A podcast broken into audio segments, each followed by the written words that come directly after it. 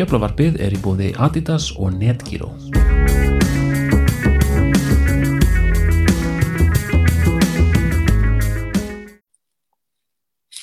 Velkomin í 90. og annan þáttina Djöflavarpinu. Ég heiti Maggi og með mér er Daniel. Sælublesaður.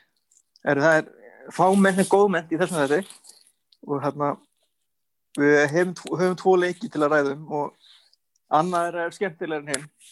Fyrir þetta bara að hafa skemmtilegri bara, bæði úrslitin og leikurinn sjálfur. Við hérna kannski vindum okkur bara beint í Liverpool í byggar, hérna heimasögur og enn eitt comeback enn eitt comeback segurinn þannig að Bessi var á leikskýslinu en hann er fjari góðu gamni eða kannski er hann í, í ennþá betra gamni hérna, hann er ekki mér það ennþá en hérna eða áhugaveru leikur margasækir ekki kannski síst fyrir það að Donny Vanderby hvað ekki að byrja Já, í, ég veit, ég bara ekki alveg með, með hérna leikin sem hann byrjaði síðast í. Það var sannlega einhver, einhver byggaleikur. Það var alltaf ekki bara verið Votvort leikurinn. Það er ekki bara passað.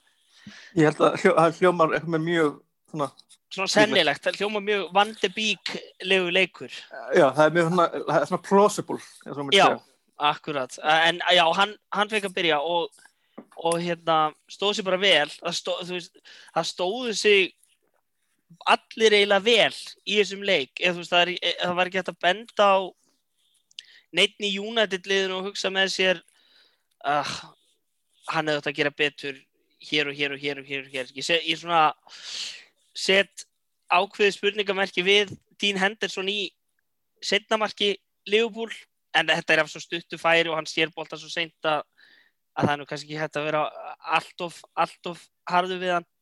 En að öðru leiti var þetta bara þessi, þessi leiku var náttúrulega bara algjör andstæða leiksins á Anfield. Þetta var bara, var bara allt sem að sem að 0-0 leikurinn á Anfield var ekki í raunni basically fókbúþalegur já, nákvæmlega. En það er kannski, já, þú talar um hérna enginn samt illa, það er kannski eina, kannski, hérna eina aðvík kannski svona í leiknum sem er er þetta ekki að benda á er hérna fyrsta mark Liverpool, en, en það er náttúrulega bara frábæð sending og svona náttúrulega bara mjög gott slútt hjá Sala, náttúrulega, hann er náttúrulega búin að spila núna í svona tíma langt en þið getur þannig að það kannski hlaut að koma að því að myndi fara að skora aftur en, en hérna en, hérna, en það virkaði samt svona pínlítið eins og þetta svona einbindingarleysin eins og enginni sinni varnarleikin hjá okkur. Já, algjörlega. Sa svona á, ákveð samskiptaleysi. Um, sjó setna, setna detta, detta inn og, og, og þjætta með miðvörðunum. En þetta er alltaf frábær sending hjá fyrir mín og það er alveg bara það er fullkomin vikt á sendingunni og afgreðslan hjá Sala er síðan í algjörum heimsklassa Ja, þú veist, það gerir, gerir ekki svona nema, þú veist, þetta er bara eitthvað svona bara, það, er allra bestu geta gert. Já, hundra á veikar í fætunum líka og alltaf Já. talað um að örfættir séu svo vonlausir á, á hérna veikari löppin en, en það var nú aldrei ekki þarna en svo bara svöru við og, og hérna það, þar vinnur Pól Pogba boltan af fyrir mínu og, og það er brotið á honum en Vandeby kemur boltanum út á Rashford eða hvort það hafi verið á Bruno og Bruno og Rashford. Og Rashford nær bara sko upp á sentimeter fullkominni stungusendingu yfir á hægri vangin á Mason Greenwood sem að tekur vel á móti boltanum og leta ekki hafa neina áhrif á sig að Andy Robertson skildi öskra á hann á meðan hann var að klára færið og setta hann á- bara í fjærhóttni Uh, mjög áhugaverð taktík hans mér Já, mér fannst, fannst þetta voðalega svona, mér fannst þetta eitthvað eh, voðalega leim, ef ég á að segja alveg eins og er. Já, þetta, þetta, er svona, þetta er svona, orðið á þannig, þetta er svona það eina sem að Phil Jones hefur ekki reynd. Já, hann hefur reynd. Hann hefur reynd að skalla með andlitinu og allt en, en uh, öskur, reyna, til ykkur ekki. Hann á það inni, hann á það bara inni. En gaman að aðeins nefnilega hérna að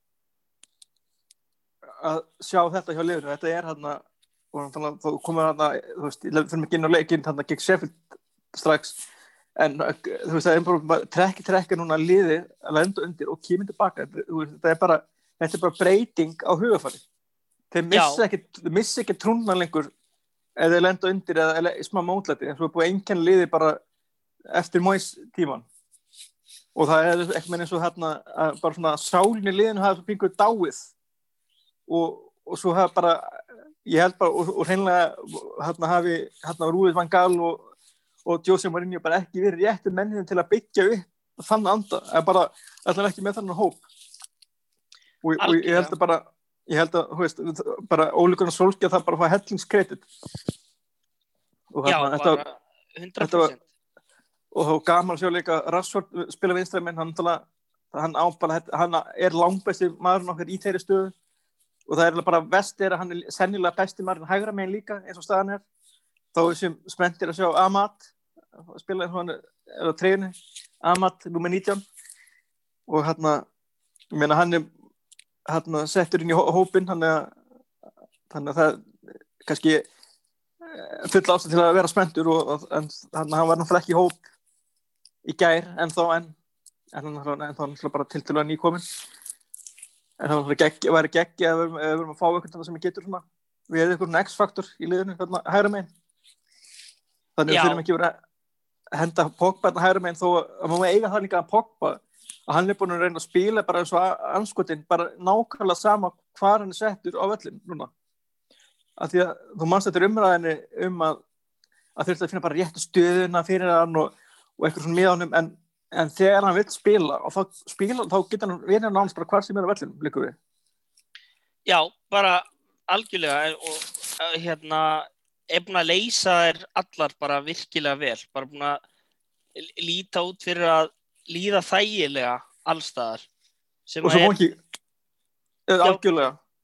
Nei, og, og svo líka vil svo skemmt til að, að þetta svona rönn hjá Pogba undanfærið, það svona byrjar í rauninni bara tiltölu stutt eftir að, að Daniel Fletcher er ráðin inn hérna þjálfartinni og það er að tala um, er svona umræðum um það að, að hann sé að hafa svona góð áhrif á Pogba.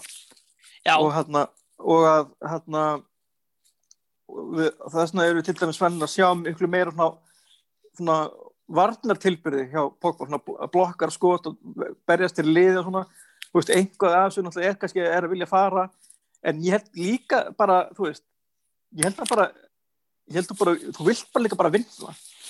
Þú vilt ekkert bara vera í liði þú eða þú ert alveg fótballmæður því að þú ert bara típan sem að er bara sama, þá náttúrulega ert ekki að fara að fara neitt. Og hérna yfir höfuð. En hérna, en það er mi- mikil vera sjátt skemmtileg tilbyrning núna þegar við tala, um- erum að tala um Pogba í þessum podcastum myndafæri að, að það til að hrósa hérna, þú baráttunni spilamennskunni og og dugnaðan öllu þessu hérna, en ekki hérna einhverju svona það vilji fara eða sem er alltaf vilt og skemmtilega til að alltaf hann spila vel þá heyrir maður aldrei tala um að vilji fara. En, en það er alltaf umræðan um að vilji fá að fara er alltaf þegar hann er að spila illa. Já. Sem er alltaf áhugavert. Og að United eigi hann ekki skilið og að þeir sé ekki að ná að ná öllu útúrunum sem að þeir eru að ná. Þegar að sko þetta liggur náttúrulega fyrst og fremst alltaf hjá Pogba. Auðvitað, auðvitað skipta þjálfarni máli og, og upplegg þjálfarans en ábyrðin liggur að langmestu leiti hjá Pól Pogba og hans hugarfari og það sem hann gefur í leikin og, það, veist, og, hann er algjörlega að uppskera eins og hann sáir þessa stundina. Og, og það er hérna ef það er einhver sem getur smita út frá sér jákvæðu og öflugu hugafæri þá er það Darren Fletcher. Þannig að það er bara frábært frábært að hérna að fá Hann inn í teimið. Og hann er náttúrulega er náttúrulega bara í guðatölu á þessu podcasti. Hann er hann að þegar við tala um United Legend þá eitthvað með finnst mér hann eiga skila að vera heimstalli ég verið mjög hrifað á hann bara. Hann er allavega svona cult hero. Það er, að- að því hann, að því ég, að því að hann er með þetta hugafar að þessna sem ég held að það er líka góð ráðning inn í þjálfartíma því hann er með þetta hugafar eins og þegar, hérna, ekki ólíkt eins og þarna sem Pogba þarf að vera að gera er að spila mismundi stöður og bara, og bara leggur allt í það það var hægri kantinu þarna, þá er hann að brunna upp og, og reyna að koma bóttuna fyrir. Bara reynda ekki, bara skila því hlutverki. Af því að ekki gleyma því að það var nákvæmlega þannig með Daniel Fletcher. Hann var hægri kantmaður að spila hægri vagnum hérna, fyrir hérna yngrilegin en hann sá það bara að hann var ekki að fara að taka sæti að Ronaldo eða eða hérna tíumbilið hérna áðurna hérna, nei hérna af Ronaldo hérna, og þar áður náttúrulega var Solskjær eitthvað að reyna að leysa svo stöðu þegar eftir að Beckham fór. Og hérna, hann sá það bara að hann var ekki að fara hann var ekki að fara að fá margar leiki ef hann ætti að fara að spila þar, hann, hann bara þjálfaði sér til að spila miðinni og bara eitt bara mikilvægt hlekkurinn í hérna þessu liði hérna svona, þessu svona setna svona gullata liði Já, svona síðasta gullaldar síðasta svona já, dænast í Ferguson, já, hann náttúrulega var bara rosalega, rosalega mikilvægur. Og, og bara, og huga það ekki glemja þetta er mjög erfið veikindi og kemur tilbaka. Og svona, þú veist, þetta er bara þetta er rosalega sterkur kærtur og hann veit hellingu fótbolta og ég er bara óbúslega ánægða með að vera með að koma með hann inn já, ég bara, þú veist ég gat ekki, ég gat ekki séð einn neikvæðan vinkil á því að fá Darren Fletcher inn í, í þjálfarateimi ég held að það sé bara svona svolítið sum, summi, summir upp hvað mér finnst um ráðninguna. Já, bara magnaður, magnaður karakter og, og, og hérna bara einhver sem mann þykir ofbúðslega væntum. En, en svo náttúrulega annar náttúrulega fyriröndi miðjum sem er búin að vera núna í þjálfurteifinu núna í nokkur ára eins og Michael Carrick en þú veist, og ég oft talað um það í þessu podcasti að við, ég veit ekki alveg hvað, hvað hans sko, hvað, hvað, hans innleg gera, eða hvað, hvað hlutar hann er, af því að maður, af því að svo sem maður þetta Fletcher koma inn, þá hefst maður strax hér maður mjög á svona ákveðum hlutum í liðuna maður, maður, svona gaman að sjá svona hverju hinn er í hófnum er að skila. Kannski eru þeir að skila inn hellingi líka, menn ekki gleyma því að, að þetta barðandi í liðinu var komin inn áður en að kemur já, þetta er búið að vera bara svona enginni bara á tíðanbylunu algjörlega. Það, veist, bara, það er allt annað að sjá hvernig liðið í langflestum tilfellum bregst við mótlæti heldur en þeir hafa gert á síðasta tím eða hafa gert á undanfjörnum tímabilum þeir, þeir, gefast, þeir, eru- ekki að gefast upp lengur og, og hætta og eða brotna almennilega alveg niður. Af því að maður mann mitt eftir eins og hérna bara svona besta dæmið sé hérna í einum af fyrstu leikjum sko Van Gaal þegar að áðurna fór í hérna hyper varnarleik og leiðindi að og þá var, það þessi frægi leikur hérna gegn Lester þar sem að liðið er að skora komið eitthvað 3-1 eða eitthvað og tapa svo leiknum og þú- 5-3 þú- sko, ta- tapa 5-3 þeir bara þeir brotna bara niður bara við það að bara reyna að lesti mingi munin já, þeir, fengur náttúrulega sko gjörsamlega glórulaust víti til að komast þér aftur inn í leikin Rafael fengur sér víti átt að hafa tekið Vardí niður en Vardí er náttúrulega sko alversti dæver deildarinnar og þetta var bara þetta var forsmekkurinn, hann var náttúrulega bara nýkomin í deildina þarna og þetta var, þetta var, þetta var aldrei vítaspilna en, Nei, en og svo voru, og voru með Tyler Black þannig að við vorum ekki, við vorum langt Nei, nei, þetta var- þetta var voru- galin Mér uppstilling og mér er að segja eins og Black ekki dag ég veit ekki hvort þessi vikkan en eitthvað sko ég hérna sýnir bara hversu galið það var að að hann var í rauninni byrjunum að það veist bara ekki nálægt í júrasetta klassa en- eins og maður heldur alltaf með hverjum einasta svona leikmanni úr yngjaflokkurum hérna hjá United maður svona vill að einhvern veginn alltaf sjá alla blómstra. En ég meina en líka þá er svo litla þú er bara að horfa í liðin í kringum og það er alveg það eru vola fá lið sem er að gera jafn vel og United með þetta. Og við sjáum bara svo Mason Greenwood sem loksins hérna, skoraði talandi um annan leikmann sem að getur skorað með það er ekki skorað með vinstri. Hann getur, hann er jafnvígur á bæði. Hann getur tekið víti með vinstri eða hæri eftir bara hvernig, svona, eftir hvernig skapan er í eftir bara, eftir, náðast eftir bara hvort Já, þetta líkurnar eru, þær eru stjarnfræðilegar í rauninni. Svona meða við útungununa sko, af atvinnumönnum hjá Manchester United. Ég held að ég sé ekki að fara með rangt mál þegar ég segi sko á Bretland segjum eigi sagt, United Akademian sagt, í augnablikinu flesta atvinnumenn í efstu fjórum deildunum á Englandi. það er svona hljóma er ekki óðurlega sko. Nei, mér finnst, finnst þess að ég hafi lesið þetta einhvers staðar, en, en ekki eh, hérna, don't take my word for it. En, en allavega þá, þá jöfnum við hennan, hennan fína eh, í þessum fína leik og, og hérna og hefðu nú alveg geta skorað í fyrri áleik og komist yfir í fyrri áleik en, en uh, það hérna var eitt eitt í háleik að við komum heldur betur beittir út í setni áleik og, og greiðir Rís Williams ekki alveg beittur. Að, að, hérna, aftur, aftur er Pogba hérna, í, í barningnum og, og hérna, boltinn rata til Mason Greenwood sem að setur stungusendingu inn fyrir á Marcus Rashford sem að er, hann var, hann var tánögl frá því að vera rángstæður en hann var, hann var það ekki. Og hérna Rhys Williams næri, ég, ég veit ekki einu sinni hvernig hann fór að þessu ætlaði að negla boltanum í burtu á lofti en einhvern veginn kloppaði sjálfan sig sko bara alveg upp við alveg upp við bólsakk og, og Rashford slapp í gegn og hérna svissaði yfir á hægri og, og bara innan fóta með hægri í fjærhóndið alveg lista vel klárað bara virkilega snirtilegt mark og, og manni leið þá eins og leikurinn hafði þróast sko að við værum bara mögulega að fara að, að hérna, vinna þetta bara þægilega. En, en hérna annað koma daginn við stuttu setna þá ætlum við að spila spila út vörninni sko í bara kjölfara þess að Leopold fengur döðafæri James Milner fekk algjöran dettara en, en sett hann yfir.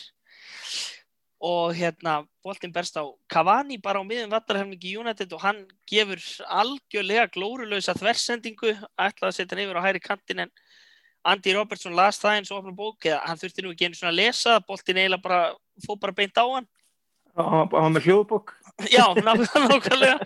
Uh, hérna, þeir hérna setja boltan í teig og, og hérna Milner tekur hérna snirtilegt dömmi yfir boltan og, og boltin best til Mo Salah sem að setur hann bara í fyrsta með vinstri gegnum kloppan á Dean Henderson. Og hérna eftir það spilaðist leikurinn allt öðruvísi. Þá, þá var ég á smá nálum og, og, og held að Leopold myndi bara ganga á lægið og, og hérna við ætluðum að brotna. En, en við vorum með kauða á bekknum sem heitir Bruno Fernandes og hann, hann kíkti inn á og hérna Fabinho eh, tók Edinson Cavani niður hvað var það á 77. 77. mínútu menn vildu nú meina að þetta hefði verið soft aukastmynda en ég veit ekki alveg í hvaða undralandi þeir eiga heima því að þetta var eins blatant brot fannst mér og, og, og þau gerast hann bara keirir með nýð í nýspótin á Cavani sem er bara búin að taka sér stöðu fyrir framann hann þannig að mér fannst þetta nú alveg borlegjandi Já, ég, ég Þetta- rætir ekki samanlega en Nei, hann, hann, leiðir, hann leiðrétti það svo á Twitter þannig að hann er bara kútos til Ian Wright að- að að þarf þarf að vera menn þurfa að stórmenni fá til þess að einmitt, þegar menn viðkjanna hafa rántir og grafa ekki niður lengra bara til að hafa rétt, ég að- sem bara að vera þrjóskir sko, að þá er leiðindin en, hérna, en hann, hann viðkendi það þetta hefði nú verið sennilega aukastmynda og, og sagði svo að sko hann hefði bara verið svo des, desperate í að fá framlenging og vítaspyndikefni sem að mér langaði mitt ekkert í. Nei, bara, bara, bara ekkert. Nei, alls ekki neitt. Eh, Þetta var bara þetta rétt fyrir utan vítateg og manni fannst þetta eiginlega að vera of nálægt, sérstaklega of nálægt fyrir Rashford sem er svona meiri svona kraftspinnumæður heldur en einhver sem að getur svona dingað honum yfir vekkin sem að Bruno, Bruno er góður í en þetta virtist eiginlega að vera of nálægt fyrir það meiri segja. Þannig að hann ákvað bara að uh, fylgja fyrirmælum Edinson Cavani sem að sagði hann bara að lúðra boltanum í markmannsotnið sem hann gerði og ha- hann bara klínd honum út við stöng eins og honum einu með lægið og þetta var frábært skot þetta var frábært, bara frábært spilna og jú, það er talið með að stakku veningi en þetta er bara, er líka bara, stundir bara eru veist, það er ekki þetta að saka að sem að vera lélega markmann að nei, í reyður leik. góður frábær, frábær markmaður og náttúrulega sannaði það þarna í leiknum á Anfield í í tvígang. var sennilega maður leiksins Já, svona þegar Já, hómið var einn- komið, því einn- að ekki, þeim. stóðu margir sér vel. Nei, Bara varnar, varnamenn kannski, einhverjir. já, varnamenn United um ég held að var ekki leiksins Jú, hann var, hann var flottur, hann náttúrulega hérna held Mó Sala algjörlega í skefjum og gerði það að mörguleit í þessum leik líka en, en, en svo náttúrulega kemur á daginn að Sala skorar bæði mörg Leopold en hann er greinlega Já. bara að finna hann er að finna formið sitt aftur.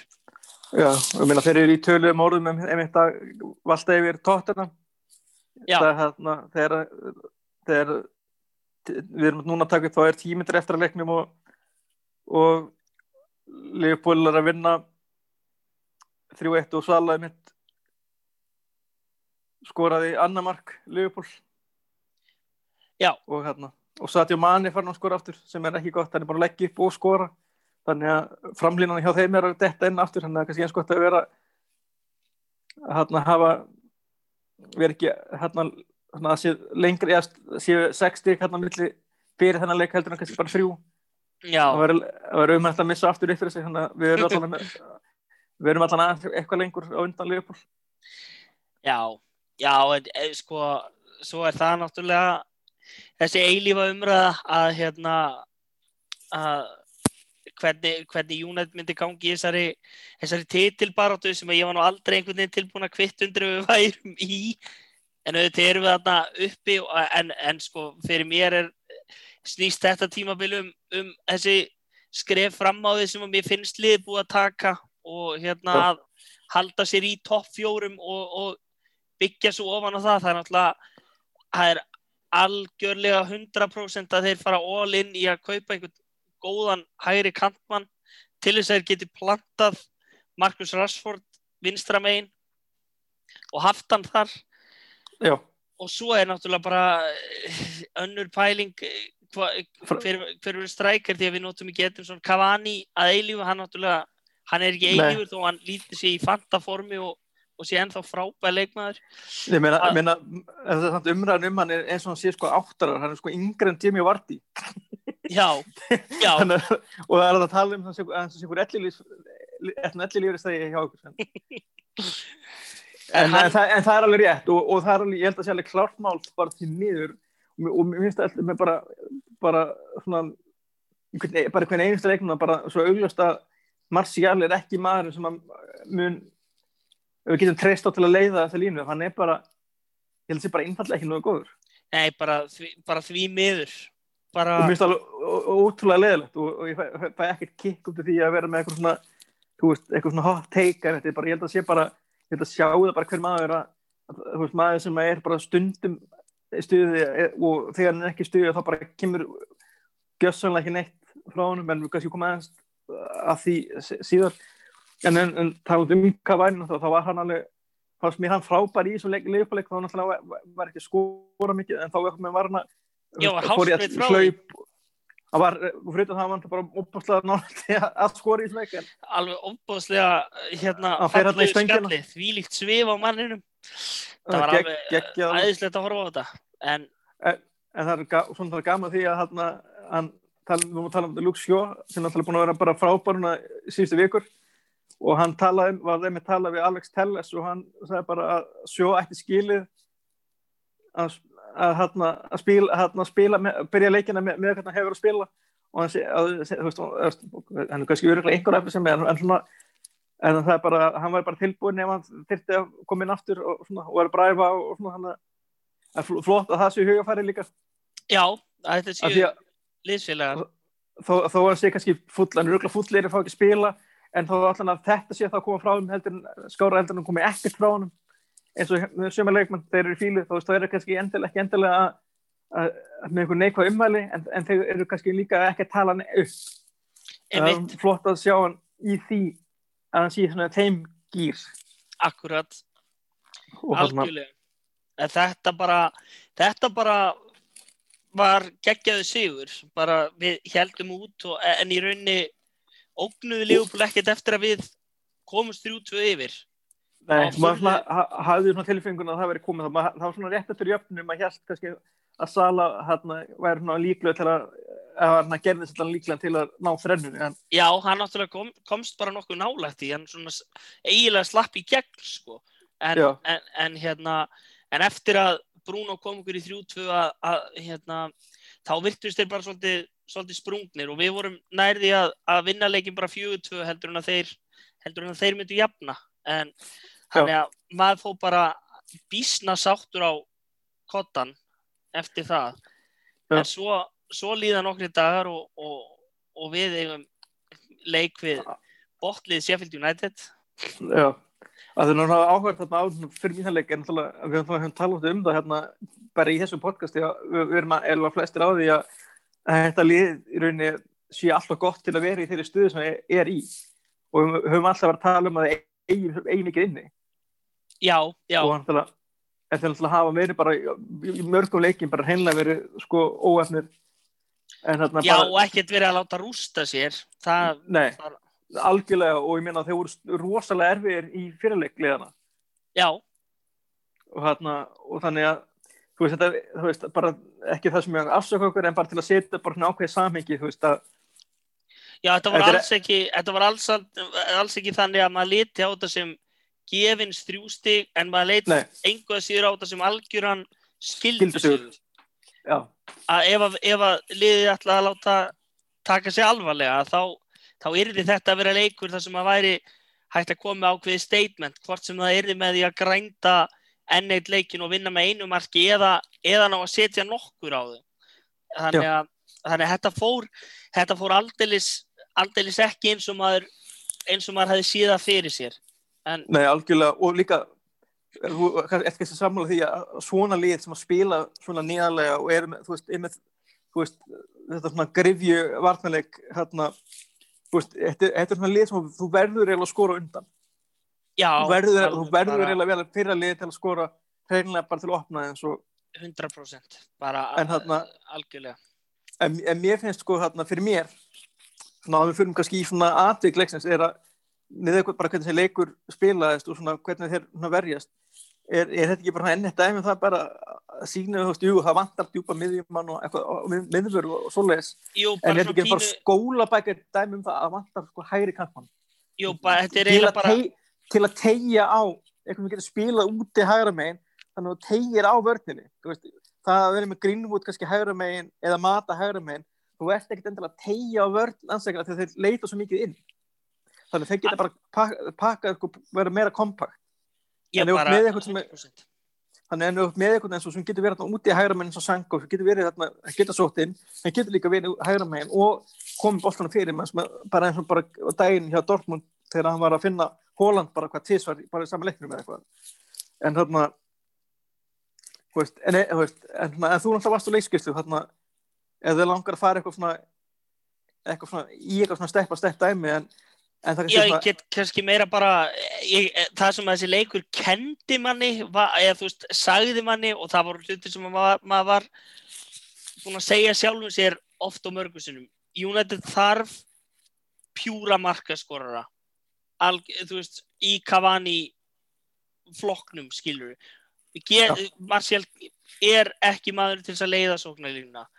Við þurfum við þurfum djúpa miðumann eins og segir og hérna Declan Rice hefur verið nefndur, nefndur til sögunar en enski skatturinn er nú sennilega svolítið, svolítið hefi á honum sérstaklega, sérstaklega í miður COVID þannig að ég veit ekki, en, á móti eru kannski talið leikum sem gæti spilað í kannski 12-13 ár.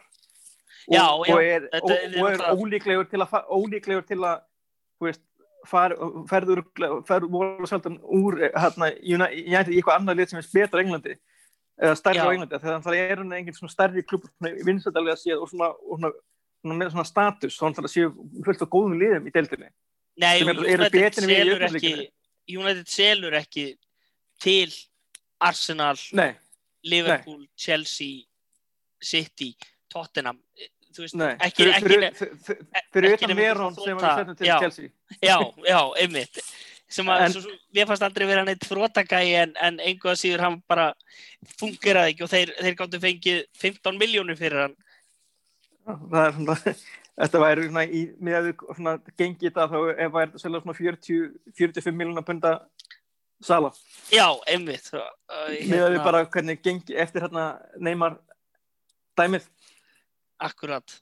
en ég meina, en hérna þú talið mitt um um hérna að vantir svona alvöru mark og ég held ég minnast á núna örgulega nokkur sunnum, en sýnir þetta ekki svolítið bara af hverju United var að skoða Holland? Fó- fólk skildi ekki alveg af hverju voru að skoða Holland að því að væri með Martial og Rashford eins og það að bara vera með einhverja strækara væri það sama að vera með frábæra strækara? Mm, við talum ekki um eins og þú bendir á að, að Rashford er svona útherji eða innherji hvað, hvað maður kallar það akkurat.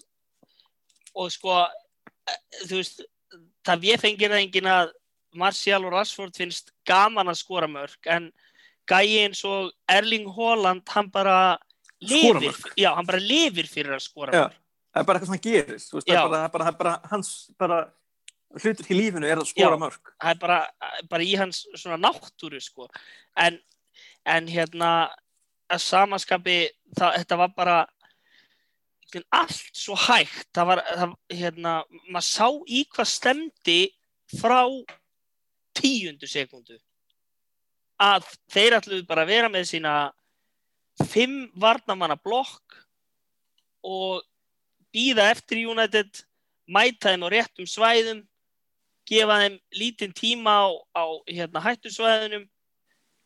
Þannig að aldrei neitt flæði einhvern veginn í spilið. Það, það kom þarna uh, svona, svona á svona 10-11 mínútu að þá kom í rauninni besta sók leiksins þar sem, að, sem endaði með því að hérna, Rashford fekk fínasta skotverðin sett hann framhjá en þ- það var bara það var bara besta leikflétta United í öllum leiknum.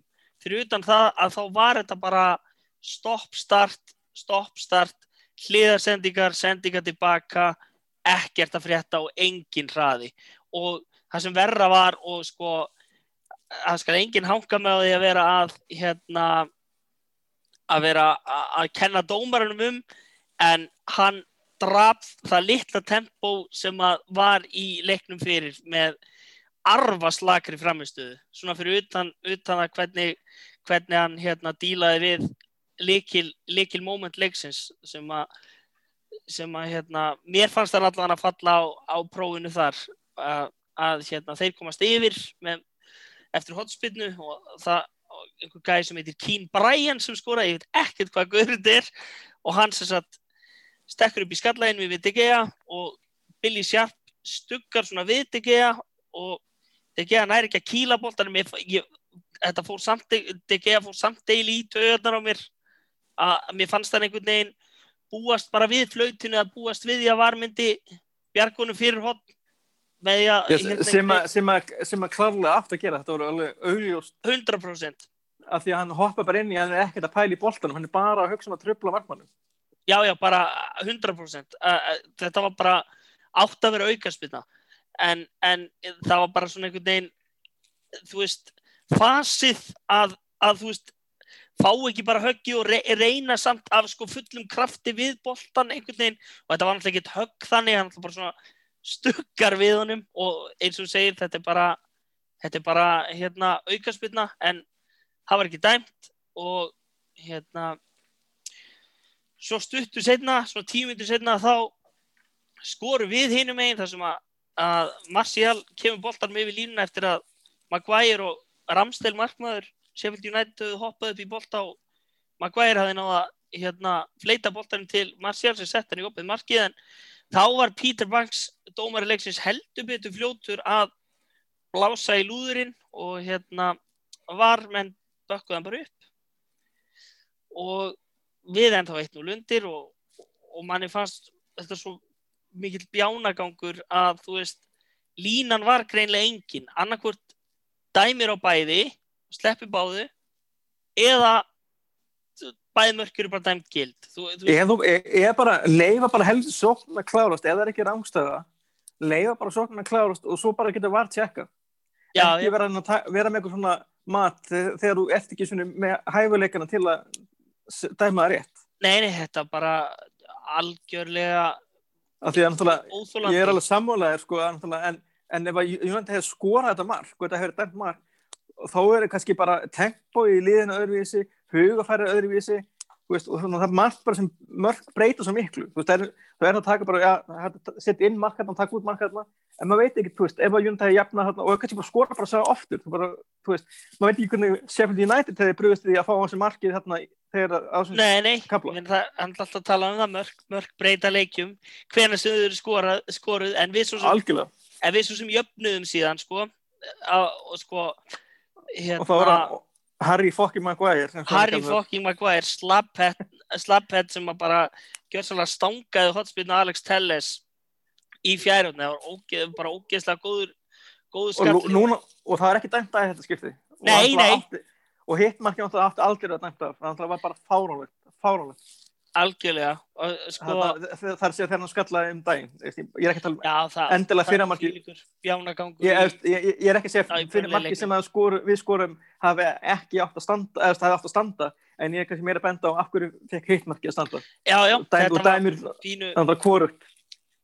Pínu heimskulegt eða bara mjög heimskulegt og, og sko þá held maður að liðin aði kannski að láta knefylgja kviði og, og að þeir myndu aðeins svona bæta í, bæta í og það reyndist heldur betur ekki vera því að einhverjum áttamindu setna þá skoraði Oliver Burke sennilega ljótasta mark í úrvarsleita sögunni eftir sennilega versta varnarleik í úrvarsleita sögunni. Ég mun bara held ég aldrei átta mig á því hver svona hugsunarprósessin var hjá öllum leikmönnum United sem voru hann í kringum vítategin það er sko í, í, í fyrsta lagi hérna samskiptaleysi Maguire og Tuan Sebi þegar boltinn dettur hérna beint fyrir fram markið og þeir láta De Gea með boltan og De Gea í staðin fyrir að negla boltanum bara eins fast og hann getur út af þá leggur hann bara aftur út á kantinn og svo er staðsetning allra einhvern veginn svo út á þekju þegar að þeir nálgast aftur vítategin ég bara, ég, ég botna ekkert í þessu. Og svo fær hann bara skjóta algjörlega óáreittur bara inn í vítategnum Oliver Burke og næri eiginlega ekkert sérstaklega góði skot þegar hann setur hann bara í Tuan Sebe og, og þetta var bara einhvern veginn eh, bara til merki sem hversu mikið þetta, þú veist, þetta var bara eitt af þessum kvöldum að hann DG er búinn að skutla sér og, og boltinn fyrir bara inn og bara frábært til Sheffield United Já, ég meina, ég meina, meina þú veist, við erum að, þú veist, bara, lið, bara að tapa leikin, ég meina, við erum að, þú veist, náttúrulega, Liverpool, náttúrulega, þó að sé náttúrulega vinna, to- vinna tóttarinn í kvöld að, ég meina, þeir eru heldur betur fengið sinnskerfa á svona framistöðum. Já, já, það, þetta bara, þú veist, það er ekki eins og Ferguson hafi ekki, hafi ekki upplifað sinn skerf af, af sjokk, sjokkum, sko. Ekki gleyma því, ég held að ég fara með rétt mála, ég held að þarna þennum tímbilið fræga sem að við teljum við þarna eitt vera eitt besta liði United í sögunni ef ég maður rétt að það tapaði liði heldur sex leikjum í deild. Þau töpuðu þremur. Mm. Töpuðu þremur í, í deil. Þremur? Var þremur. það tímbil, eftir sem að við töpum sex en unnum samt? Það Það, gæ- það gæti verið, sko. Það var þrennu töpuðu ég- fyrir Já, Arsenal, uh, Sheffield Wednesday og Middlesbrough. það rétt. En hérna, en uh, í Þe, þe, þeim stóru liðum. Já, þeim er risastór ég, fe- ég fekk svona þessi, þessi Sheffield United leikur myndi mig svolítið á þeirri United hérna, tímabili sem að sitt í unnu í lokaumferðinni þegar Aguero skoraði uppáhaldsmarkið okkar allra. Uh, þá var það einhvern tíman um veturinn sem við töpuðum á heimavelli fyrir Blackburn. Þetta, þetta var svolítið þannig leikur. Það var einhvern veginn United hefði getað spilað til miðnættis en Blackburn hefði alltaf náða að grísa inn alltaf einu og einu marki saman hversu mörg United hefði náða að skora þeir eru alltaf einhvern veginn verið skrifin og undan saman hversu lélegir þú veist, það- hefði verið fram á við Ertu ekki að tala um leikin gegn Blackburn þegar að Sver Alex Ferguson stúkan var opnuð? Jú, það er nefnilega Það var gott, gott eða var ekki hinnlega bara á ammælistag nánast. Þetta var svona í kringu, kringu það. Grant Hanley skoraði allavega í þessum leik fyrir, fyrir. Blackburn, mann ég Sá world beater. Já, sá vörðbítur í vörninni þannig að þetta, þetta var einhvern ég fekk svona smá shades, shades af, af Blackburn tapinu úr, þeim leik en, en þetta eins og ég segi, þetta var bara einn af þessum dögum og mér fannst þetta vera svolítið sko, fannst þeir svolítið mæta eins og þeir held að þetta myndi koma bara sjálfu sér og að Sheffield United myndi bara mæta sigraðir til leiks í raunni Já, en er þetta ekki bara einmitt, einmitt bara, þú veist, náttúrulega mistök og svona og tök, náttúrulega þú lærir kannski náttúrulega þú lærir rauninni, kannski alltaf meira á því að tapa leikjum og svona og gera mistök og svona, en er þetta ekki líka bara kennir þetta ekki mönni bara svolítið svona að vera ekki þú veist, að, að, að, að vera ekki einhver sem hérna, gefnu. Já, bara svona að gefa aðeins á jörðina og sína sko að, nei, þeir þurfið actually að vinna vinnuna, það, það kemur ekkert að sjóna sér þó að það hafi verið, að frábæra rönni. 100% það, þetta hérna líka gæðin sem fengur sjensin sko eins og Telles og hérna Matic bara afleitir sko. Þó að Telles hafi lagt upp þetta marka þá hérna var hann ekki góður í þessum leik. Og Matic Nei, og- sem að ég bjóst hvað segirðu? Mér fyrir ekki, nei, hérna, það er líka oft verið hvað pingu vandamál hjá honum. Er hérna, hann er ekki nógu sterkur varnalega að fá sér góð sóknarlega Já og hann bara líkamlega er hann oft á tíðum finnst mann ekki alveg svona to scratch sko. hann er ekkert sérstaklega hraður. Luke Shaw verðist einhvern veginn alltaf hafa auka gýr sem er magnað svona með að við líkamsbyggingun á honum hann er alveg, hann er þjættur en, en hann er nettur sko. Er hann ekki bara þetta Rúni? Þannig að Rúni var hann alltaf búin að fjætta en, rúni hafði- í honum. en Rúni hafði svo mikið sprengikraft þetta framan af. Al, algjörlega. Og misti náttúrulega helling þegar hann hafði það ekki lengur þannig að það hafði rosalega áhrif á hans leik og svona, hann eitthvað náði eitthvað aldrei alveg að, að svona breyta nálgun sinni eins og Ryan Giggs til dæmis gerði þegar, hann, þegar hann misti sinn hraða. Algjörlega. Það- og aldrei náttúrulega var bara aldrei kannski sami atvinnumadurinn og Ryan Giggs það er náttúrulega bara að, að það er bara einhver svona hættur svona psychopathic, já, bara svona psychopathic þó, þó þeir hafi hugsunarháttur náttúrulega þar. en þó þeir náttúrulega hafi deilt svona ákveðin svona ekstra svona marital áhuga já, já, já en, en ekki sa- bestu sam- kærastarnir. samanbyrni kannski næri ekki kannski ekki, ekki leng, leng, lengra en það sko. nei, akkurat en En hérna þetta bara, já en nú segir fór sem fór. An- Anthony Martial náttúrulega ósynlugur þrátt fyrir þetta eh, mark sem að skora Já, en skora, en já, skora ég samt ekki D- Dean Henderson hefði alltaf geta, þú veist, boltin hefði alltaf geta dottið fyrir hann aðna. Ég nú ekki að fara að gefa Martial of mikið kredit fyrir Nei, það er það. er kannski meira svo sem viðkomandi sem við leggur upp heldur en já, já, en, en þú veist, bara fínt, fínt, fínt hann eh, kom boltan mjög í línu og hef, hefði átt að fá, fá hérna, skráð mark þar, eh, mark þar en, en hann er með 5 mörk í 25 spiluðum leikjum í öllum keppnum. Það er svona, Já, kannski, það er, bara, segir það er, sko. enga, það er bara enga með búleg Nei, það er nefnilega málið. Og fyrir utan síðasta tímabil og svo fyrsta tímabilið sem hann lifði nú bara eiginlega svolítið á, sko, fannst manni tímabilin í kjölfarið. Það var alltaf, alltaf managerinn um að kenna að, að Martial var ekki að standa sér jafnvel og Thierry Henry í úrvastildinni. Já, það var líka, hérna, það var líka alltaf að við líka, þú veist, bæði Morinni og Vangar var svo vondi við hann og eitthvað svona og eitthvað en, en þú ert með leikmann sem er svona ofbúrslega erfitt að svona ná til. Þa, þá er þetta svo erfitt. Já, þú veist, ég sko, það, þetta kristallaðist sko, svona allavega mitt svona frustrasjón og svona pyrringur yfir Martial í þessum leik í gær algjörlega kristallaðist í því þegar hann átti ömurlega sendingu sem einhver Sheffield United maður komst inn í og fór á breykið frá einn vallarhelmingi og bara þvert í gegnum miðuna og hann sto stoppaði bara og fór að svekja sig og let Bruno Fernandes um að taka 60 metra sprett til þess að tækla og vinna boltan aftur. Það er bara einhvern veginn, það er bara svona yin og yang sem sagt hugafarið hjá Martial og svo hjá Bruno Fernandes sem var ekki góður í gær en, en það er bara, þú veist, þú veist bara hvað þú færið frá Bruno Fernandes, þú færið alltaf 100% commitment og hann er alltaf að reyna en, en stundum bara, stundum gengur það ekki eins og í gær, við getum ekki búist við að hann leggja upp 2 og skori 2 ykkur með einasta leik. Nei, en það er bara ekki fræðileg möguleik það er engin leikmar það góður. En Nei. þarna en þarna en er ekki vandavel líka svolítið með Martial Emmett er, er svona, hausinunum er, er ekki alltaf náttúrulega sterkur? Og hann hefur svo, hann he- hefur enga, svona, hann hefur svo takmarka svona vitt sem leikmaður. Já, já, bara Ef, 100% ef, ef, ef eitthvað eitt sem hann gerir gengur ekki þá er ekkert annar rauninni sem hann er góður í sem hann getur bætt upp eins og Cavani til dæmis þarna, kannski verið besta dæmi þarna í liðbúleiknum er alveg óbúst að náttúrulega skora á hann gegn en hann bara frábæra skalla bara mæli með að kíkja bara aftur á highlights og þegar bara þegar að sjá hann skalla hann syngur hérna í stönginni. En, en hann getur þá allan að ef hann er ekki að skora þá er hann að gera fullt öðrum hlutum. Já, já, það, það finnst mér um til miður bara Martial gera svo lítið. Veist að hann gefur svo lítið af sér sko ef hann er ekki að skora. Það er bara alveg hárétt það er bara nákvæmlega það sem það er.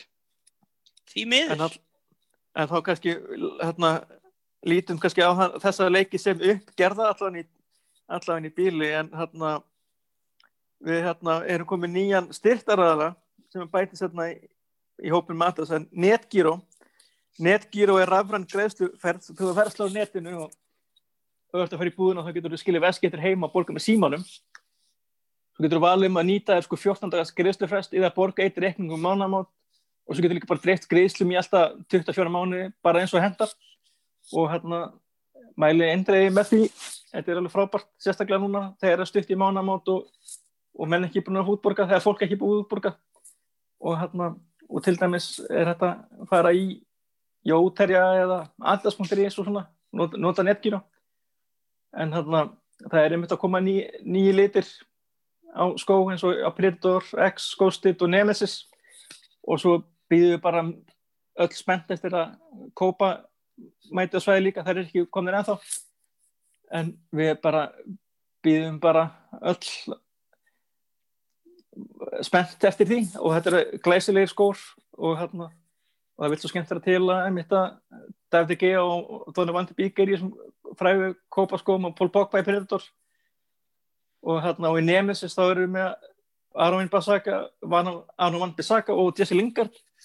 Já, sem að kannski, þetta er kannski óvænt en fullkomið segvi í að, að hann er búin að loksins búin að fá leiði drengurinn að fá að fara á láni og, og all útlitið fyrir það að hann sé bara að fara til vestan. Já, kíkja til David Moyes sem hann svo sem spilaði nú ekkit undir því að hann hérna tók, tók lán hjá Birmingham á sagt, tímbilinu sem að Moyes var með United. Þannig að hérna, þeir þeir hafa aldrei unnin eitt af, af ráði saman.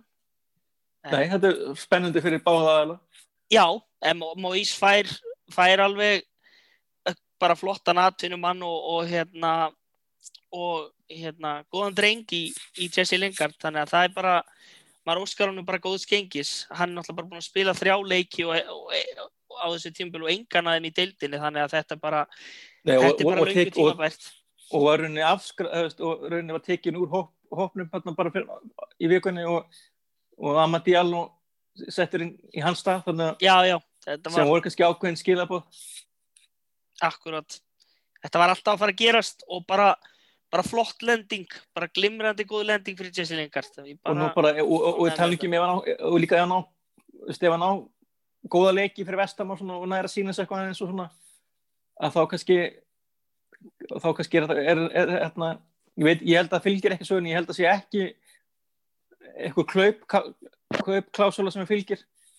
Ég held að sé, held að sé bara rán en, en, en þegar við fáum meira upplýsingar þá náttúrulega látum við vita og þá verður það rætt í næsta þætti og svona.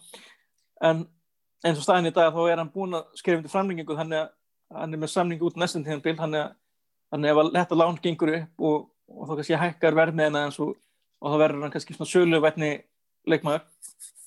Því ég held að það sé alltaf að fara að gera sem það, ég efast einstaklega ólgriðt að hann sé að fara að koma aftur inn í hópin 28 ára gammal eftir hérna eftir lán hjá Vestam hann er já, bara algjörlega. Það, En, en þetta er ákveðið próf fyrir hann líka. Ef þetta gengur ekki upp þá náttúrulega er erfitt fyrir hann að gera tilkall til þess að vera leikmaður í úlsættalið ef, ef, ef nærði ekki eitthvað minna gera neitt með Vestama þá náttúrulega er svona erfitt að já, ég meina þá gæti hann bara orðið enn eitt breytin til þess að prófa sig í einhver annari deild. Við getum bara alveg verið að horfa fram á til já, og, og jafnvel farið til Phil Neville og Beckham í, Í Inter Inter Miami.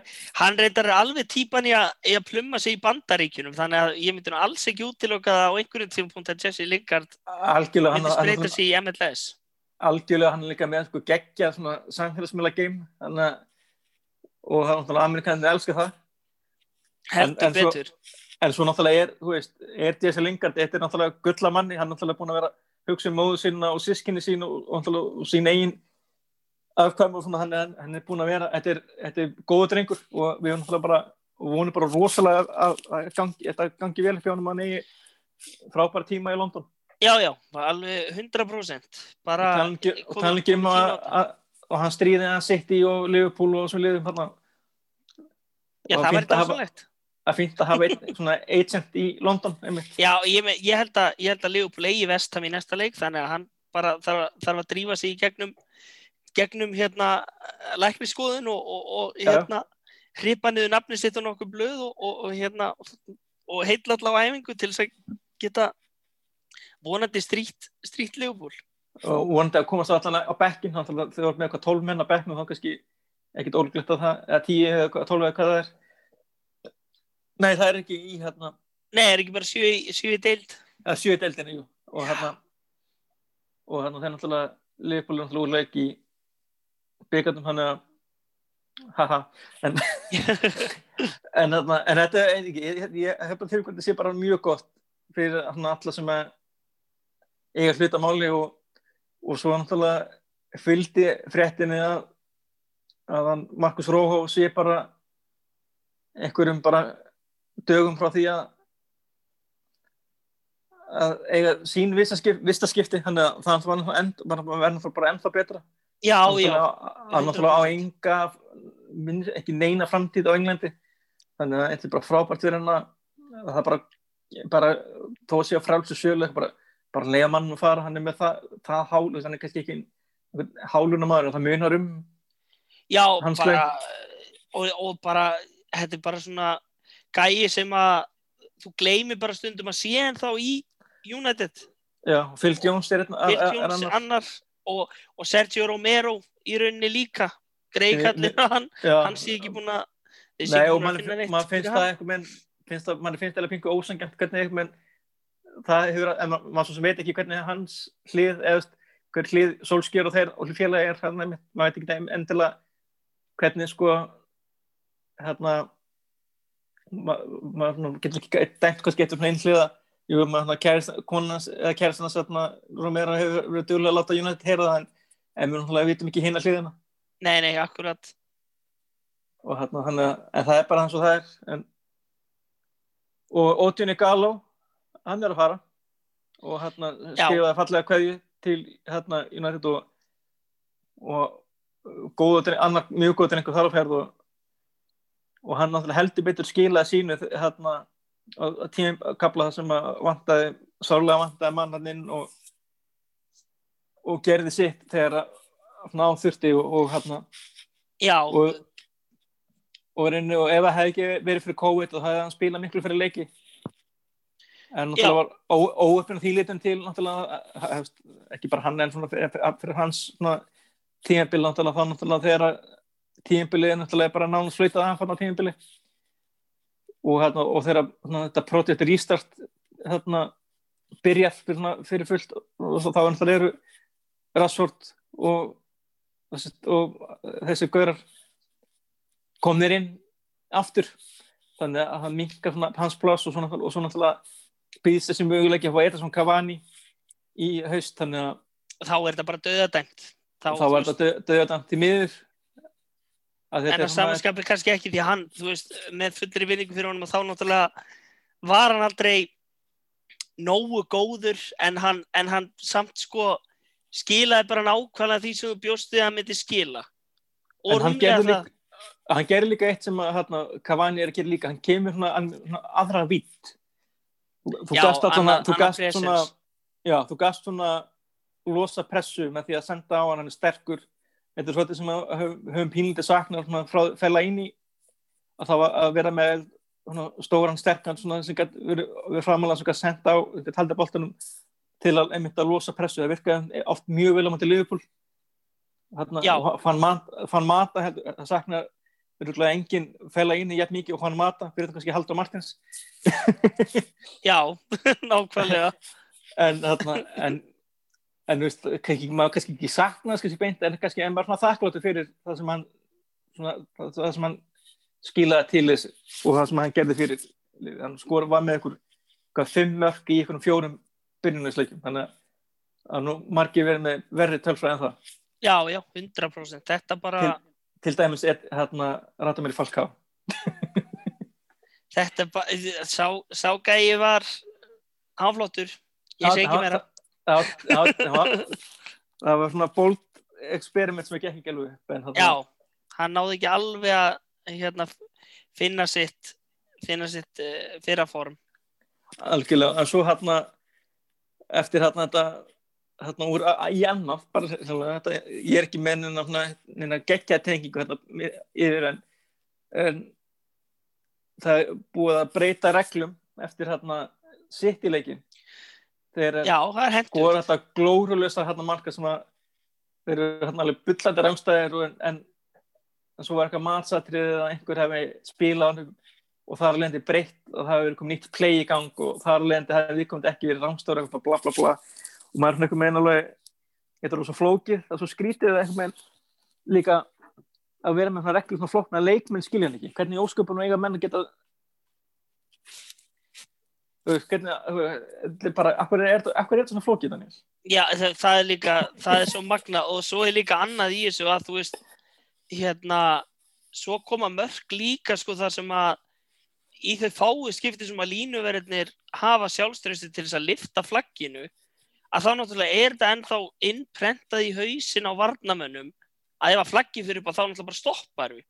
algjörlega, ég meina mjög rosalega skynjalegt Já, þannig að veist, þetta er svo, þetta er að ég, ég bara, ég, Ég meina, ég, ég- fæ ég græna bólur að að tala um þessa vitleysu sem þetta er komið út í. að því, að því ég myndi sagði um daginn ef að þú veist, línuverðir fyrir ekki línumenn, það eru líka konur svona, ef að lí- línuverðir eru að flagga og ef, ef að þú átt ekki að taka marka því, þá af hverju eru þeir þarna?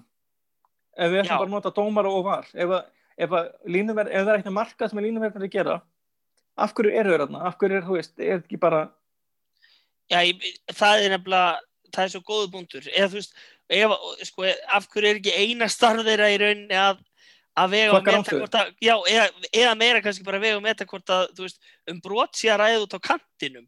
Já. Þurfi ekki einu svona að fylgja línu fyrst að, fyrst að var sér bara algjörlega um það.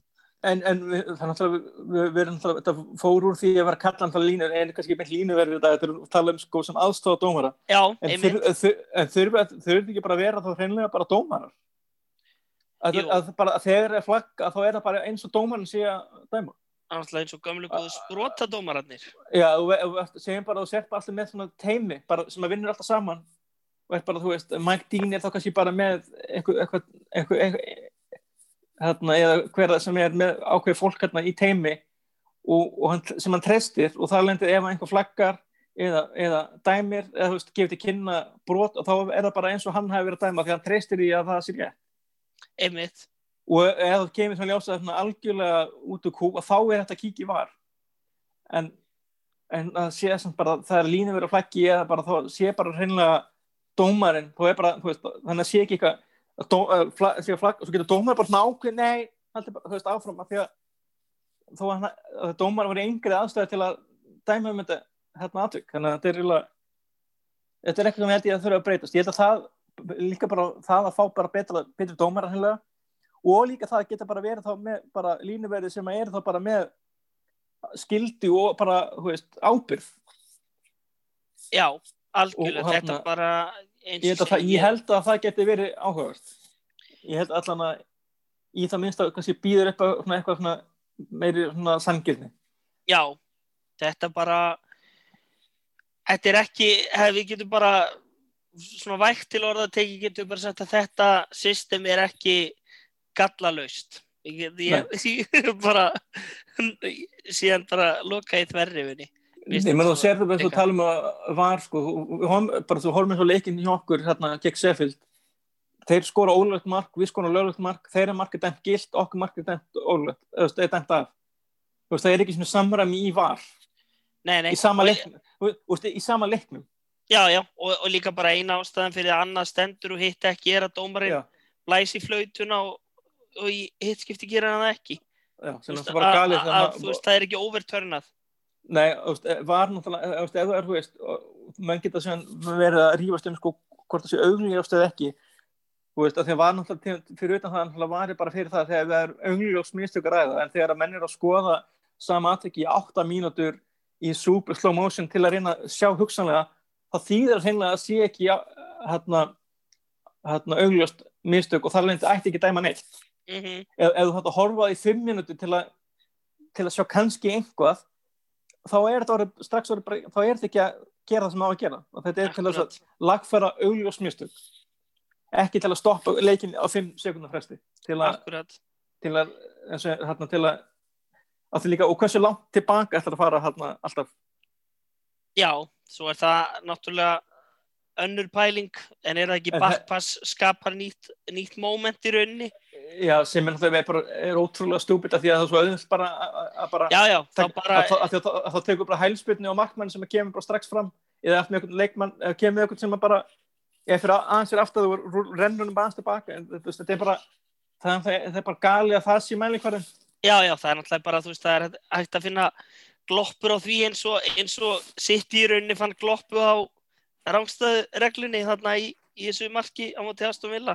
Þannig að, sem að en samkvæmt nýjum reglubeiting þá er þetta ólulegt mark og þannig að það mun ekki, lið mun ekki geta þó, þó manni finnist að hvert í deildinni ætti að fá að gera eitt svona atvik svona gefins í leik bara til að jafna út en það er ekki það að tala um það að, jafn- að mistök jafnist alltaf út ekki, ekki núna, ekki eftir þetta. En svona- það, svo sem, hérna, vonandi bara ekki það, auðvitað erum við, þú veist, höfum við verið heppnir einhvern tíman, en þú veist, þetta er bara, þetta er svo, þetta er svo galin umræða þegar þú byrjar að tala um, þú veist, að, að sko eitt lið í hérna 20, 20 liða deild sé bara með allt systemið í vasanum, það er bara, þú veist, bara það Það bara, bara- virkar Það ekki svo- þannig. það er svo batnalega hreinlega bara heimskul umræða Já, það er hreinlega, bara, það er bara hreinlega heimskul umræða af hverju ætti Manchester United að vera einalegi í deildinni sem var lið sem ekki búið að vinna tit, titilin í, í núna átta ár? Og, en það er lið sem er með dómarinn í vasunum en samt, samt ekki verið að vinna neitt.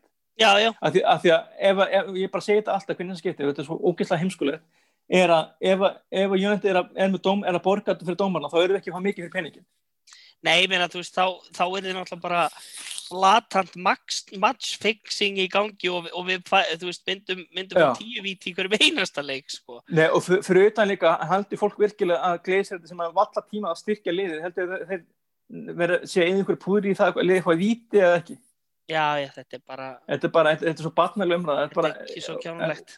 og, þetta- og þeir eru fullar af fólk fyrir að vera þarna þarna, ja, tími, eða eitthvað víti eitthvað svo er náttúrulega, þetta er bara ég meina, það að eitthvað lið fá fyrir víti eitthvað lið, þýðir ekki að það sé ósangjant það þýðir bara að það er meira broti á því liði. Það þýðir bara að það liði meira inn í teig ansæðingan og það er meira broti á það það er einu sem það þýðir. Það þýðir ekki neitt annað. Nei, nei, þetta er bara, ég, þetta er, þetta er svona umræða sem að, þetta er í rauninni ekki svaravert, sko.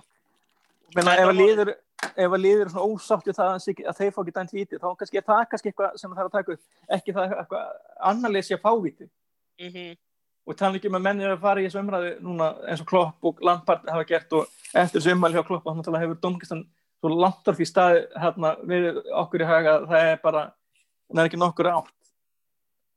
Þannig að Já, þetta bara, bara... en, en, það- en, það- en það tekur horfa þessu til fram bara- en þetta er svona þetta, er líka þetta er svona, þetta er svona confirmation biasin sem er svona, er svona þetta sem er að hjá fólki bara í dag bara í heiminum er að og þú býður alltaf að sjá, eftir að sjá eitthvað rauk sem að staðfyrst eitthvað trú sem þú hefur en ignorar öll raukina móti eins og núna, Já, það er já. engi þarna, það heyrs vola lítið í þarna öðrum þarna núna Já, já, ég meina, þú bara, þú veist, þú bara lest bara prógreinar í staðin fyrir, já, veist, þú bara les bara against eftir- greinarnar, þannig að það er bara eins og það er. Og horfum bara Fox News og svo skilur ekki í því af hverju Trump vann ekki kostningarnar Já, að- já, þú veist, þannig að, einu upplýsing sem þú fær þá ertu bara, var þetta maður sem að vann yfir og sigur og var reyndur þú veist, þetta You, Þannig you ef can't fix bara- stupid, það er bara svo leiðis. nei, það er rétt og, og kannski og það, það er kannski fýtt lokapunktur á þessa varumræðu. Já, sem að þetta var er pingu stúpid eins og þetta er framkvæmt að en vonandi er, er það stúpid sem er hægt að laga.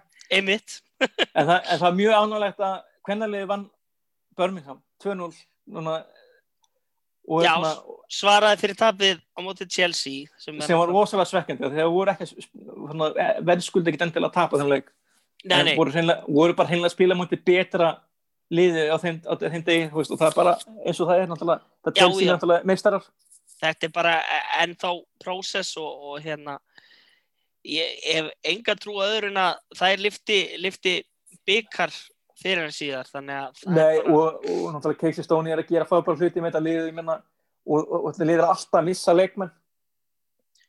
Algjörlega. Hafa, hafa, þú veist, hvert tímbil núna sem hún hefur verið með liðið, þá er alltaf verið að missa máttastólpa, fyrir náttúrulega fyrir náttúrulega fyrsta tímbil náttúrulega þegar þetta er nýtt lið en missa, svo Timberlane og svona hérna og svo Greenwood þarna, þegar, sem þegar til Líón og er núna í City, reyndar. Já, en hún er geggjuð. hún er þá geggi og hann þá var hvað fyrirliði?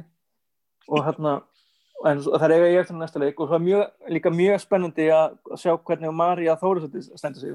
Já, bara Nú- frábært. Þetta er sögulegt bara fyrir okkur Ísle, íslenski, íslenski norðmaðurinn. Já, já, og hérna, hérna ég var ekkert að rúla sáttu við fréttaflutningin hérna í BBC og, og Sky að tala um að Norwegian football player, hann er líka íslensk þá hann spilir fyrir norsku landslið já, já.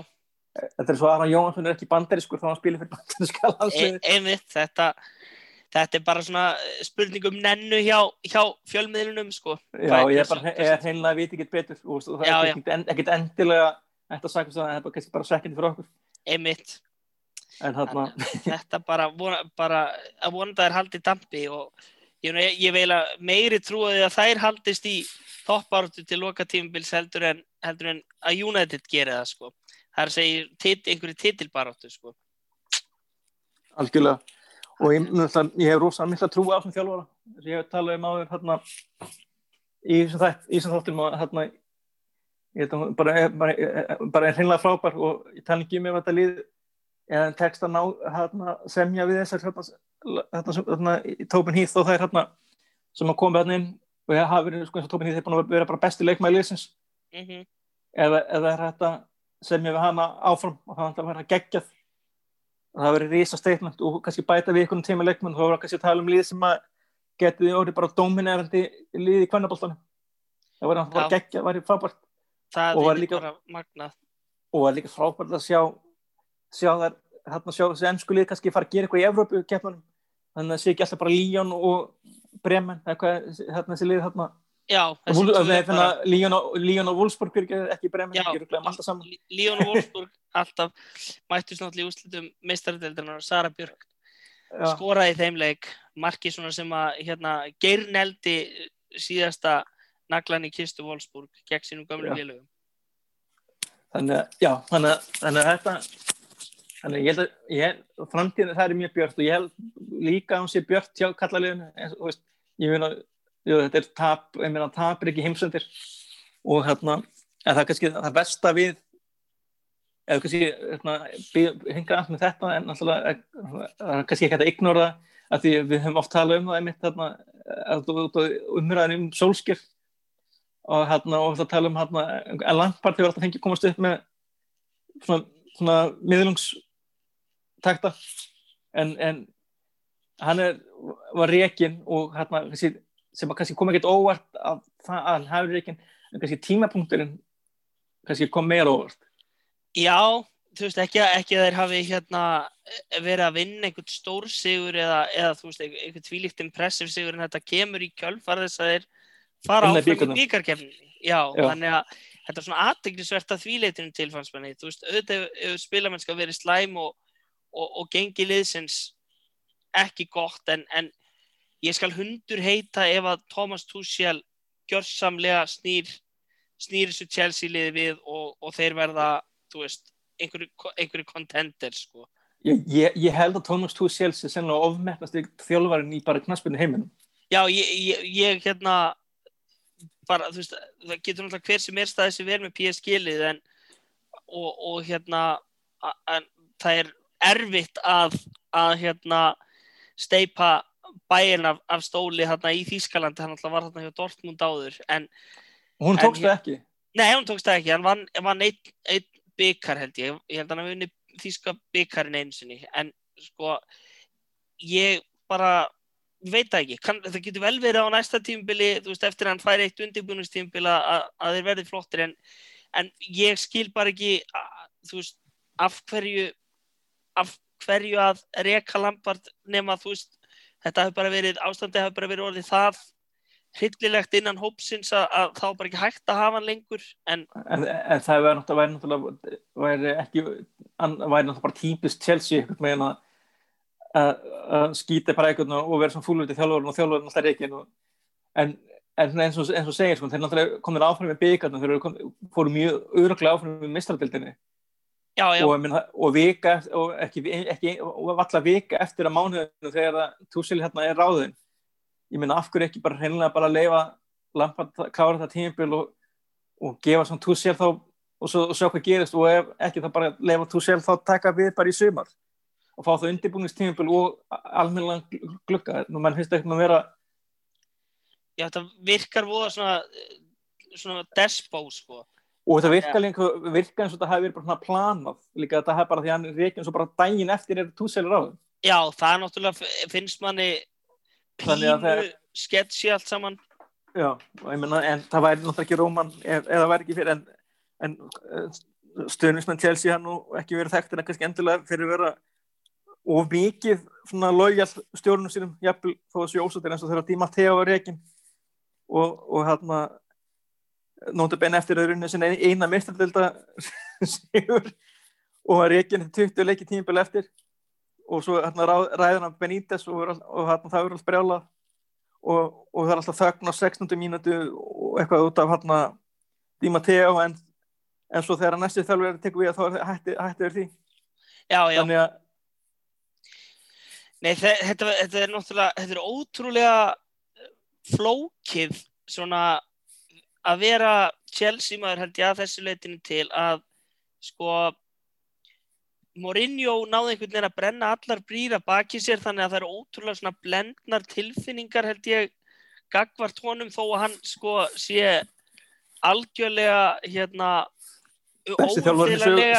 Besti þjálfar í sögu Chelsea. sko. Að þeir, þeir, þeir geta ekki samsvara sig með neinum.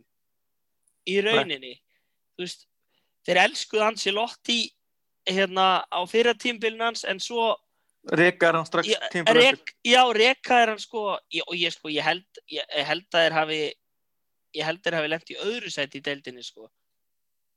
Um, þegar voru hérna, það var, það var ekki neinn skita sko. Já, nei, nei, þú veist, þeir, já, þú veist, þeir eru nýju stegum eftir United, en þú veist, United tapaði fjórum leikjum í deildinni, gerði þetta og jafntöfl og vann 23 það- og enda með bara, fí, veist, bara fínan steg, 80 steg og Chelsea 71 ásamt Manchester City, þú veist, þannig að þetta er svona pínu pínu speisa finnst manni. Það Já, kemur- því að að einmitt að því að við, við hérna hefur að tala um sko að, að það er galið að, að umræðan hef, hefur alltaf verið með svona lampart jöfnvel þá er liðað spýtla og alltaf verið svona afsaka fyrir hann en við veginn hefur ólíkunar svulskil aldrei fengið það, það benefit? Nei, en, en, maður kannski, maður kannski maður meira kallið til því sko að, að umræðan væri kannski svona svona sangjarnari og væri svona meira svona jafnvægi en, en, en það er heimlega bara rekan. Já, manni finnst þetta mjög, mjög brútal. Þú veist, auðvitað hækkaði eða svona var pressan meiri eftir, eftir hennan glugga sem þeir áttu í sumar. Það, og, en manni fannst einhvern veginn aðdáendur Chelsea vera aðeins of æstir í að halda að þeir væru bara basically orðnir bara besta lið í því þeir keiftu veist, tvo gæja sem voru flottir í búndeslíkunni og einn 100 ára gamlan miðvörð sko. Já.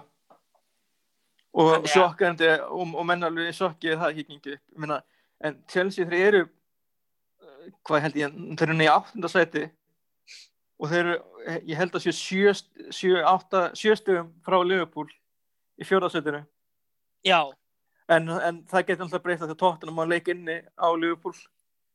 Og Everton á tvo leiki innan mútið Liverpool þannig að það ekki endilega vist að Liverpool verði hérna í nei ekki Liverpool fyrir ekki hérna á, jú á Liverpool en hérna, Everton getur náð Liverpool ekki, ekki tóttunum tóttunum getur tek- farið í vestum í 15 seti af því að, að Liverpool er hérna ekki að akkurat. En ma- maður maður finnst svo gali galin tíma til að því að það, það er ekki eins og jú, það er kannski verið frústræðandi í deildinni en ég meina 0-0 á mæti Wolves ég meina það er ekkert skelfileg úslit því að Wolves er bara reikala erfitt lið að spila móti. Þeir, bara, þeir byggja Er- bara múr þegar þeir mæta stóruliðum í, í úrvasteldinni það er bara, já, þetta Þeir bara, bara- Ég, ég myndi frekar mæta sitt í tíu sinnum á tímubili frekar heldur þess að tvo leiki sem við þurfum að spila við vúls á tímubili já, þeir eru, að, þeir eru þeir eru að öðrum ólustum allavega þegar þeir spila móti já eins og ég segi þessum top 6 liðum þá eru þeir leiðilegasta liði í deildinni. Já að þið er svona að því við eigum svo erfitt er er, er hreinlega málið, það er svona lið sem er ekkert endilega góð en United eitthvað með passar illa gegn. Já, algjörlega. En hérna en, en hérna það setti svona frítan svo hvaða leikur að gerð var svona sekkjandi svona niðurstaðan og svona framistæðan var svona frik, svona, svona bleh en þá eh, setur það hérna ég ætla nú kannski ég ætla að segja að þetta svartna bletta kannski kannski svona ekki, ekki, ekki, ekki endilega besta orðvalið en uh, setur þetta ljótan svip á hérna hérna á þessi hérna á gerkvöldið hérna rasismin sem, sem að Alex Tansveppi var fyrir. Já, það er bara þvílíkir aumingjar bara algjörir aumingjar og, og ræflar sem að hérna kommentuðu þarna á Instagrami hjá Tuan Sebis svona apa emoji. Já, og höfðu svona einhver ógeðsli orð að segja líka og þetta er náttúrulega bara er eitthvað sem að bara enginn innan Manchester United stendur fyrir og þeir voru ofbóðslega snöggir að, að bregðast við. Já. og náttúrulega bara allir leikmenn hvort sem voru í Manchester United eða öðrum liðum bara fylgdu sér á bakvið Tuan Sebi og Martial, Martial lendi, lendi líka í því. Þannig að hérna bara þetta bara á ekki heima neinstaðar þannig að nei. bara, bara Ég, að- hérna- að klubburinn skildi bara fordæma þetta tíu sekundur setna og maður spyr sér náttúrulega, ég veit þessum að það náttúrulega lagar ekki neitt og náttúrulega er ekki leifn á neinu en maður maður spyr sig með hennar- þessa apa emoji hvort það sé ekki þeirlega að taka það út. Já, ég meina, er einhver nokkuð til að nota í neitt annað heldur en að gera lítið úr svörtu fólki já, já, öðru sem í rasískum tilgangi. Það er Já. bara góð pæling bara mjög góð Af því- pæling. að því að þú veist, jú, það eru ljónatn og svona en það er kannski nota eftir að nota en svona, mann finnst þessum með apa emoji að það er eitthvað, þú, það er einu þú ert í rauninni bara að nota í einum tilgangi og, akkurat, og, mér- og, og sá tegingur er viðbjór og, og ef að hérna, ég hefist um að nokkur sem að hlusta á okkur sé ofsamála þessu þannig að að við fordæmum allt svona og og þá hefur hefur komið fyrir þannig komment á síðan en við eigðum þannig alltaf út og, en, en ég held að það hafi verið undatækning og það, er algjör undatækning ég held að kannski í 8-9 ára sögu okkar síðu og þá held ég að það gerst kannski einu sinni, kannski tvisvar. Þannig en, en sem betur fyrir er, er það fólk sem er, er svona heimsækir rauðdeflum.is er ekki mikið í þessu. Og það er rosa gott af því að þetta er svo heimskuleg ástæð til að gaggrina eitthvað að það er bara næði ekki nokkur átt. Já, þú leggst ekki lagar en þetta. Það er bara þannig. Ég meina, hva- þú veist, hvað hva er endar þetta, meina, ef einhver missir fóreldri á maður þá að sendur þú þá, hérna, gerir þú þá grína þeim að því að þeir eru þá er ekki, eru fóreldralausir eða, þú veist, þetta er svo það, hvernig einhver lítur út er bara heimskulegasta og bara glórulegsta leið til að gaggina nokkura manneski í nokkur tilvægi, bara ever. Já, Þannig að- þetta bara Já, viðbjóður bara, þetta er bara eitthvað sem að að er bara, er, bara viðvanandi vandamál í heiminu þetta og bara, þetta er bara stærst, eitt stærsta vandamál í mannlegum samskiptum og bara á, í netinu. Við tala ekki um svona viðbjóða síður hérna, eins og þessar tján síður hérna, sem að er bara svona breeding ground fyrir svona viðbjóð. Að það bara hreinlega þetta er eitthvað sem að og er, er eitthvað sem að það þetta er eitthvað með þar að laga og, og uppræta og þetta er bara þannig að en þetta finnst mér bara líka að sína bara hversu nöðsynlegt Black Lives Matter og allt þetta dæmi er Já, algjörlega Þarna, ég vona Bara- að þetta veri, veri bara til þess að en, bara svona að styrkja það, styrkja þá bara og, og, og, svona, og þá samhefni, samhefni. Já, bara halda áfram að fræða og, og, og Og fræða, algjörlega. bara, bara eins og ég segi, þetta á, þetta á hvergi heima. Og hreinlega bara ef menn veru upplýsir svona bara banna þá, ef, ef það eru persónugreinlegt upplýsingar þá bara banna þá. bara reporta, bara ef, að- ef einhver verður var við þetta. Og þetta er, ef þetta eru ársmiðahafar eða ef þetta eru einhver sem eru að fara vellinu þá bara æfurland bann. Menna, eða þú veist eða, eða kannski ekki æfurland bann eða kannski bara hreinlega að senda menn í bara einhver námskeið eða einhver fræðslu. Bara, ég, ég held að þú getur ekki þú ert ekki svona nema bara þú ert fáfróður og og það ég held að einmitt kannski end, eitthvað besta lausnin er ekkert endilega eitthvað svona eitthvað æflung bönn eða eitthvað svona eða eitthvað svona, af því að það bara, það verður bara staðfinnstast menn og verður fórherðast bara í skoðunum sínum. Mhm. mikluna er að fræða. Það er eina leiðin. Þú, þú, þú vinnur eina leiðin gegn fáfræði náttúrulega er bara fræðsla og bara og, ég menna þó að það sé umhverlegt að þurfa að vera standi því að en þá bara ég held ég það sem markvallt árangusríkar heldur alltaf bara að útskúfa fólki og ég meina hver heldur að taki við fólki sem útskúfað er heldur, heldur en annað fólk sem er svona ákveðinu, ákveðinu stað svona í skoðunum og svona. Þannig að en þetta er náttúrulega bara rosalega vandamál og náttúrulega við erum ekki verið að leysa það í þessu og og hérna en hérna en maður svo vi- vi- vissulega vonar að að að það verði hægt að gera eitthvað til að uppræta hann viðbjóð. En hérna en úr því að þá hérna eiga eigum við leika ekki Arsenal um helgina. Já, og það er heldur betið mikilvæg leikur og, og hérna stóra spurningin er hvort að við okkur takist að bræðast við þessu tapi gegn sjálfnætt og svo hvernig, hvernig liðið bregst við eftir þann leik. Það er allavega það er algjörlega uh, 100% að Luke Shaw byrjar í staðin fyrir Alex Telles í þeim leik og Erik Bailly eða Lindelöf starta við hliðin á Maguire.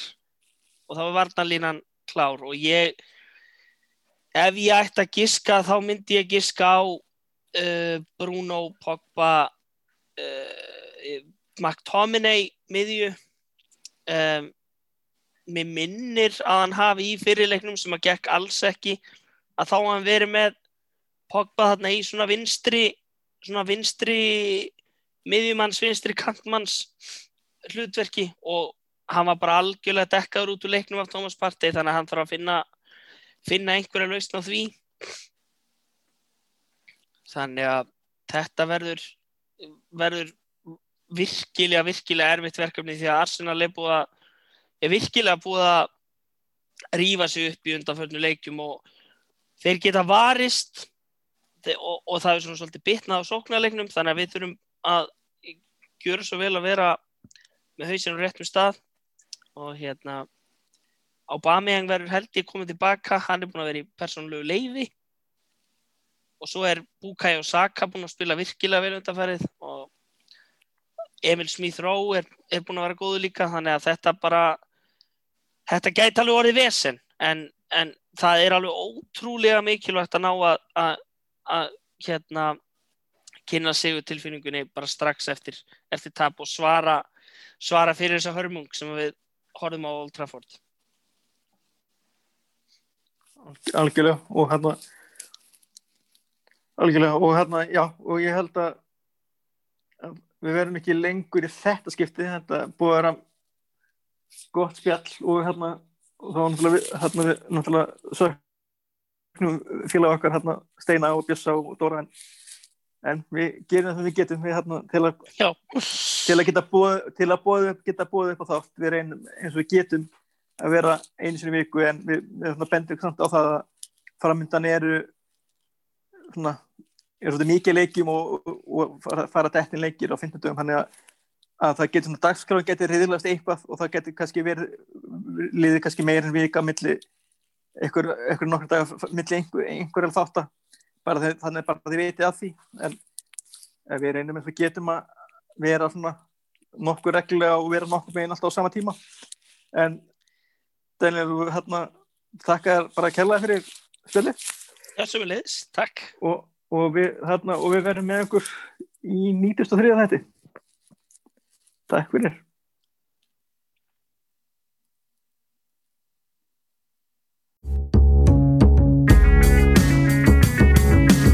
Takk fyrir að hlusta á djöflavarpið. Þið getur fundið frekari umfjöllun um Manchester United á rauðudjöflarnir.is